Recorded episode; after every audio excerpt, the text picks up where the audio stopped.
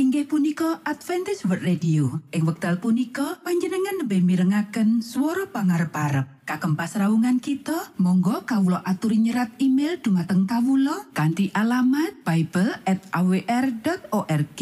utawi panjenengan uki saged layanan kalian Kawulo lumantar WhatsApp kanti nomor plus setunggal saged layanan kalian Kawulo kalh kalh sekawan kalh kalh kalh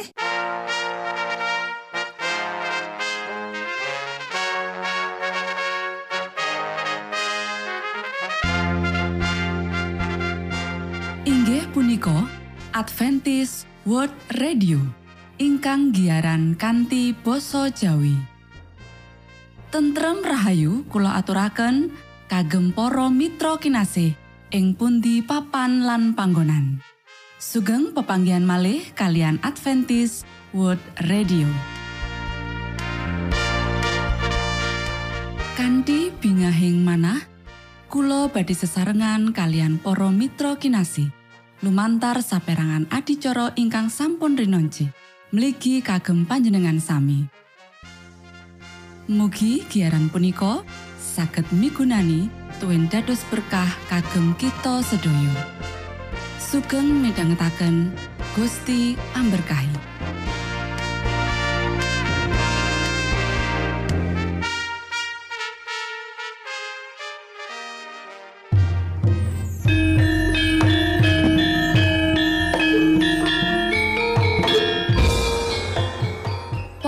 Para pamirsa kinasih ing Gusti Yesus Kristus.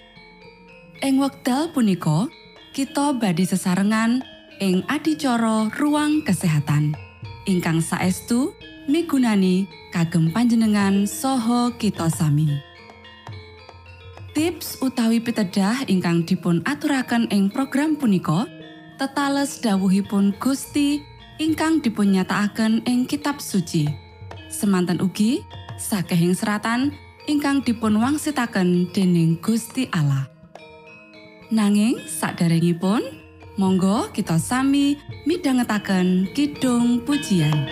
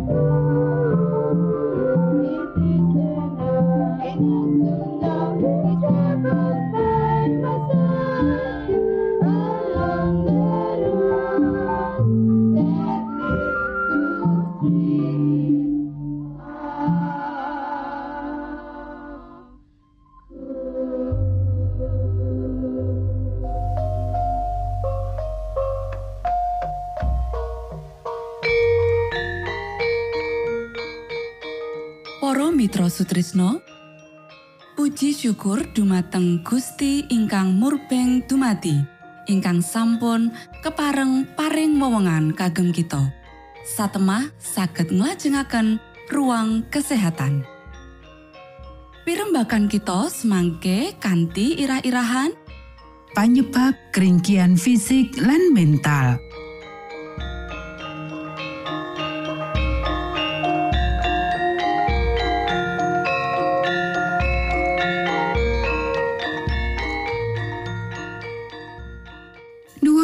Dumateng para pamiarsa ingkang dahat kinormatan sugeng pepanggian malih kalian kula Isti Kurnaidi ing adicara ruang kesehatan. Ing dinten punika kanthi irah-irahan panyebab keringkian fisik lan mental. Para sedherek ingkang kinasih pengaruh opo sing diwenehake dening pakulinan kakean mangan marang weteng?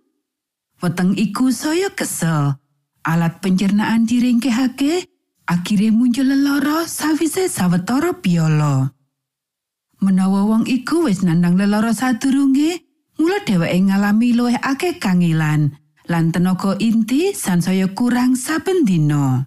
Wong-wong iki ngetokake kekuatan pentinge kanggo tugas sing ora perlu kanggo ngolah panganan sing dheweke lepokake menyang jero weteng. Saipun kekirisi kahanan kaya iki.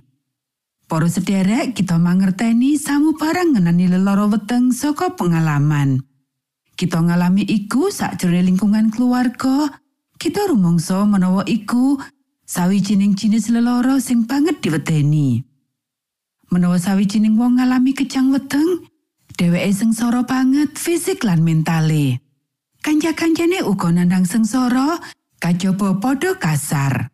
Kowe bakal kondo, Apa sing tak pangan utawa apa sing tak pengenake dudu urusanmu. Apa ana ing kiwa tengenmu sing sengsara nandang kejang weteng?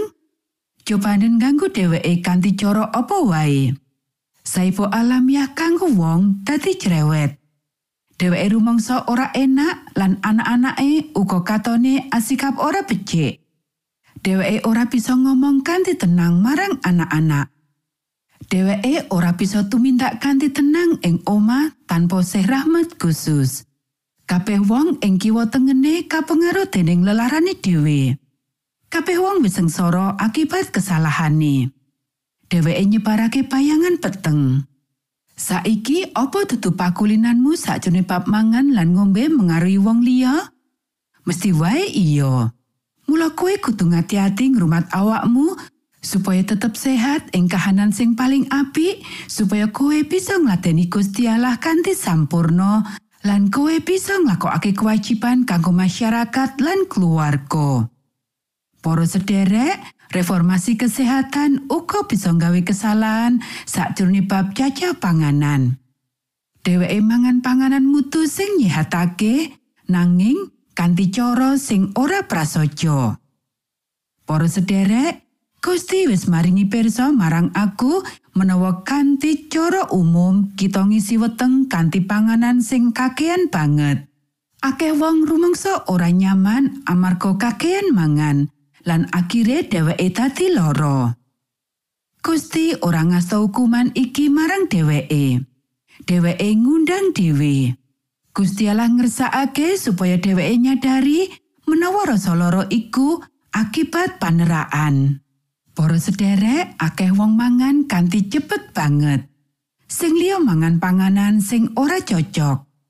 Sekiranya wong-wong gelem ngelingi saipo akeh, dheweke nyiksa awake dhewe ing wektu nyiksa weteng lan Sang Kristus banget kaino menawa weteng iku disalahgunakake mula dheweke bakal wani nyingkur diri kanthi wenehi wewengan marang weteng kanggo mulihake kesehatane kita bisa nglakokake pakaryan penginjilan dening mangan lan ngombe kanggo kaluhurane Gusti Allah. Matur nuwun Gusti amberkahi.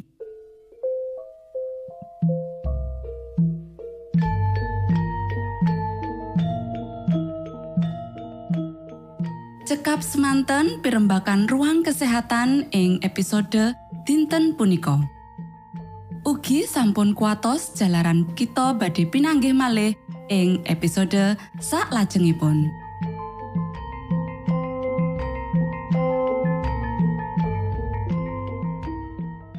inggih punika adicara ruang kesehatan. Menawi panjenengan gadah pitakenan utawi ngersaakan katerangan ingkang langkung Monggo Kulo aturi Kinton email dateng alamat ejcawr@ gmail.com utawi lumantar WhatsApp kanti nomor 025 pitu 00 songo songo papat 00 pitu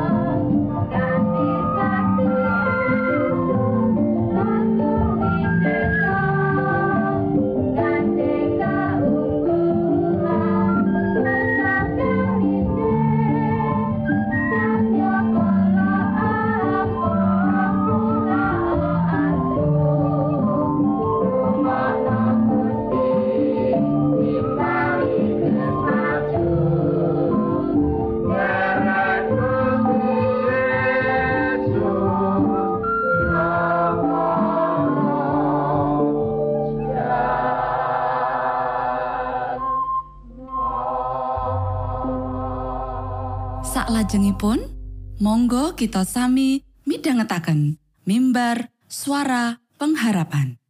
Angkat nafiri kanthi pawarto Sang Kristus paderamu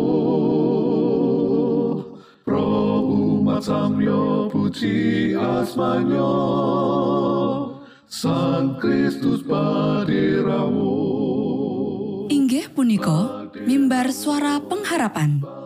Ing episode punika kanthi irah-irahan Kawula mugi sami patuko pulihaken. sugeng midhangetaken. Sang Kristus paderamu ilmu kawero tambah tambah Sang Kristus paderamu paderamu paderamu Sang Kristus paderamu Shalom para sedherek ingkang kinasih wonten ing Gusti. Sakmenika kita badhe mitangetaken renungan Sabda pangandikanipun Gusti. Ing dinten punika kanthi irah-irahan kawula mugi sami patuko pulihaken. Para sedherek ingkang kinasih, ayo diwaca kitab Sabur pasal swidak ayat siji nganti pitu. Kanggo lurah pasinden, miturut lagu kembang bakung paseksen. Miktam anggitane Prabu Dawud kanggo piwulang nalika perang karo polo Aram Mesopotamia lan wong Aram Soba. Sarto sause Senopati Yoab bali saka ngecak polo Edom ana ing lebak asin ngesorake mungsuh keherola sewu. Duh Allah, kawula sampun sami patuko tampik. Benteng kawula sampun patuko bedah. Patuko duka. Patuko mugi karsawa ndantosi kawula. Bumi sampun patuko kunjingaken saha patuko belah. Ingkang pecah mugi patuko pulihaken malih awit bumi sampun gunjing. Umat patuko sampun patuko damel rekaos sanget. Kawula sampun sami patuko ombeni anggur ingkang mendemi. Patuko sampun maringi umbul-umbul dumateng tiang-tiang ingkang ngabekti dumateng patuko. Minangka pratandha supados amping-amping nguncati panah. Supados para ingkang patuko kasihi saged oncat, patuko mugi karsawa paring pangluaran kalian asta patuko tengen saha kawula mugi sami kaparingan wangsulan. Para sedherek ingkang kinasih, Sabur pangaduh kanthi umum dimangerteni dadi pantungane para wong-wong kang urip ing mangsa angel secara jasmani, karohanen utawa panembahan utawa kabeh katelune. Nanging babakan iki ora ateges kita nyingkiri jabur iki, malah ing mangsa kang kebak katentreman. Kadangkala mbok menawa ana ketriwale antarane ukara ing sabur lan pengalamane para panembahan ing mangsa saiki. Tegese, sabur pangado iki bisa migunani kanggo para pasamuan kang ora nandang kacingkrangan lan kasisahan. Kapisan, kitab sabur iki bisa nuwuhake kesadaran yen kasangsaran minangka bagian saka pengalaman lumrahe manungsa. Lan kuwi katampa dening wong kang duraka uga wong kang mursid. Kitab Sabur uga maringi piandel marang kita menawa Gusti Allah tansah kagungan kendalen lan paring kekuatan tur paring dalan marang manungsa kang nandang karubedan. Malah ing Mazmur iki sanadyan ing tengah-tengah kasusahan, bumi sampun patuko kunjengaken saha patuko belah ingkang pecah mugi patuko pulihaken malih awit bumi sampun gunjing. Sabur pasal swita ayat papat. Juru Mazmur nuduhake pangarep-arep kang utamane ya iku pangluaran saka Gusti Allah. Kang kapindo, sabur pangado iki paring piwulang marang kita supaya nduweni ambek welasan marang para wong-wong kang nandang kasangsaran. Nalika kita ngungkapake rasa kabingahan lan puji syukur marang Gusti Allah, mligine ana ing ngarepane wong akeh, kita kudu nduweni pangrasa marang sedulur kang nandang popo. Mestine kita mbok menawa duweni samu barang nyukupi, nanging kita ngrumangsani uga marang sedulur kita kang nandang kasangsaran. Tetungga kaya dene sabur iki bisa mitulungi kita kanggo ngelingi wong-wong iku kang nandang mangsa-mangsa angel. Kitab Sabur uga nuwuhake rasa sigra ing pengalih kita supaya ambek welasan lan mitulungi kanggo nglatosi kasangsaran kaya dene kang ditindakake Gusti Yesus. Para sederek, jagat iki minangka papan panggonane wong kang nandang syariat kang ombo. Ananging Sang Kristus rawuh kanggo nyarasake para wong loro, kanggo martakake pangluaran marang para tawanane iblis. Gusti Yesus piyambak kasarasan lan kekuatan. Gusti Yesus uga maringake kesange marang wong kang nandang loro, kang nandang kasangsaran lan kepanjingan demit. Gusti Yesus uga ora nampik sapa wae kang marak kanggo nampani kuasa kasarasane. Gusti Yesus pirsa, wong-wong kang nyuwun pitulungane wis nggawa lelara marang awake. Nanging Sang Kristus uga ora kira nampik kanggo nyarasake. Nalika kapecikan saka Sang Kristus ngrasuk ing jiwa kang kapesan iki, wong-wong iki kaensyafake saka dosane temah mratobat. Lan akeh kang kaparingan kasarasan saka leloro karohanen lan leloro raga. Para sederek, Injil isih kagungan kuasa kang padha. Lan kena apa kita ora nyaksekake asile kang padha ing wektu iki? Monggo kita sami ndedonga. Duh Rama kawula ingkang wonten ing swarga, asma patuko mugi kasucikaken. Kraton patuko mugi rawuh, karsa patuko mugi kalampahan wonten ing bumi kados dene wonten ing swarga. Kawula mugi kaparingan rejeki kawula sak cekapipun ing dinten punika. Saha patuko mugi ngapunten kalepatan kawula kados dene kawula inggih ngapunteni tetiang ingkang kalepatan dhateng kawula.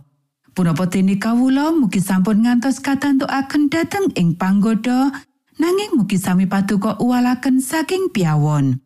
Awit dene patuko ingkang kagungan kraton saha wisesa tuen kamulyan salami-laminipun. Amin.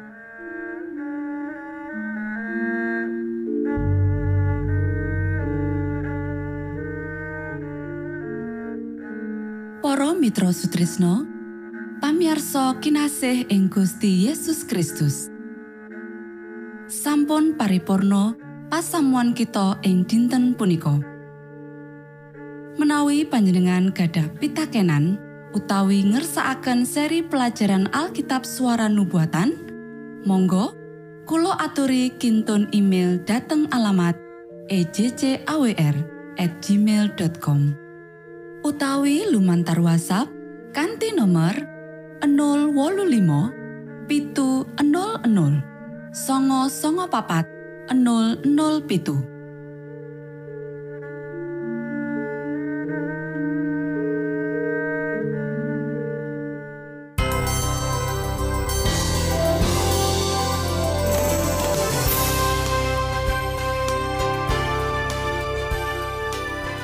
Matur nuwun kagem wektalipun kita badhe pinanggih malih ing gelombang ugi wekdal ingkang sami. Saking studio kula ngaturaken tentrem rahayu.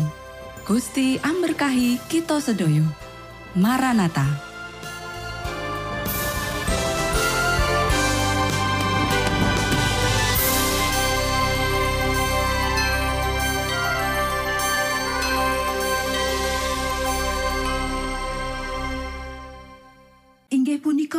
Adventist World Radio. Ing wekdal punika panjenengan lebih mirengaken swara pangarep-arep. Kagem pasraungan kita, monggo kawula aturi nyerat email dumateng kawula kanthi alamat bible@awr.org.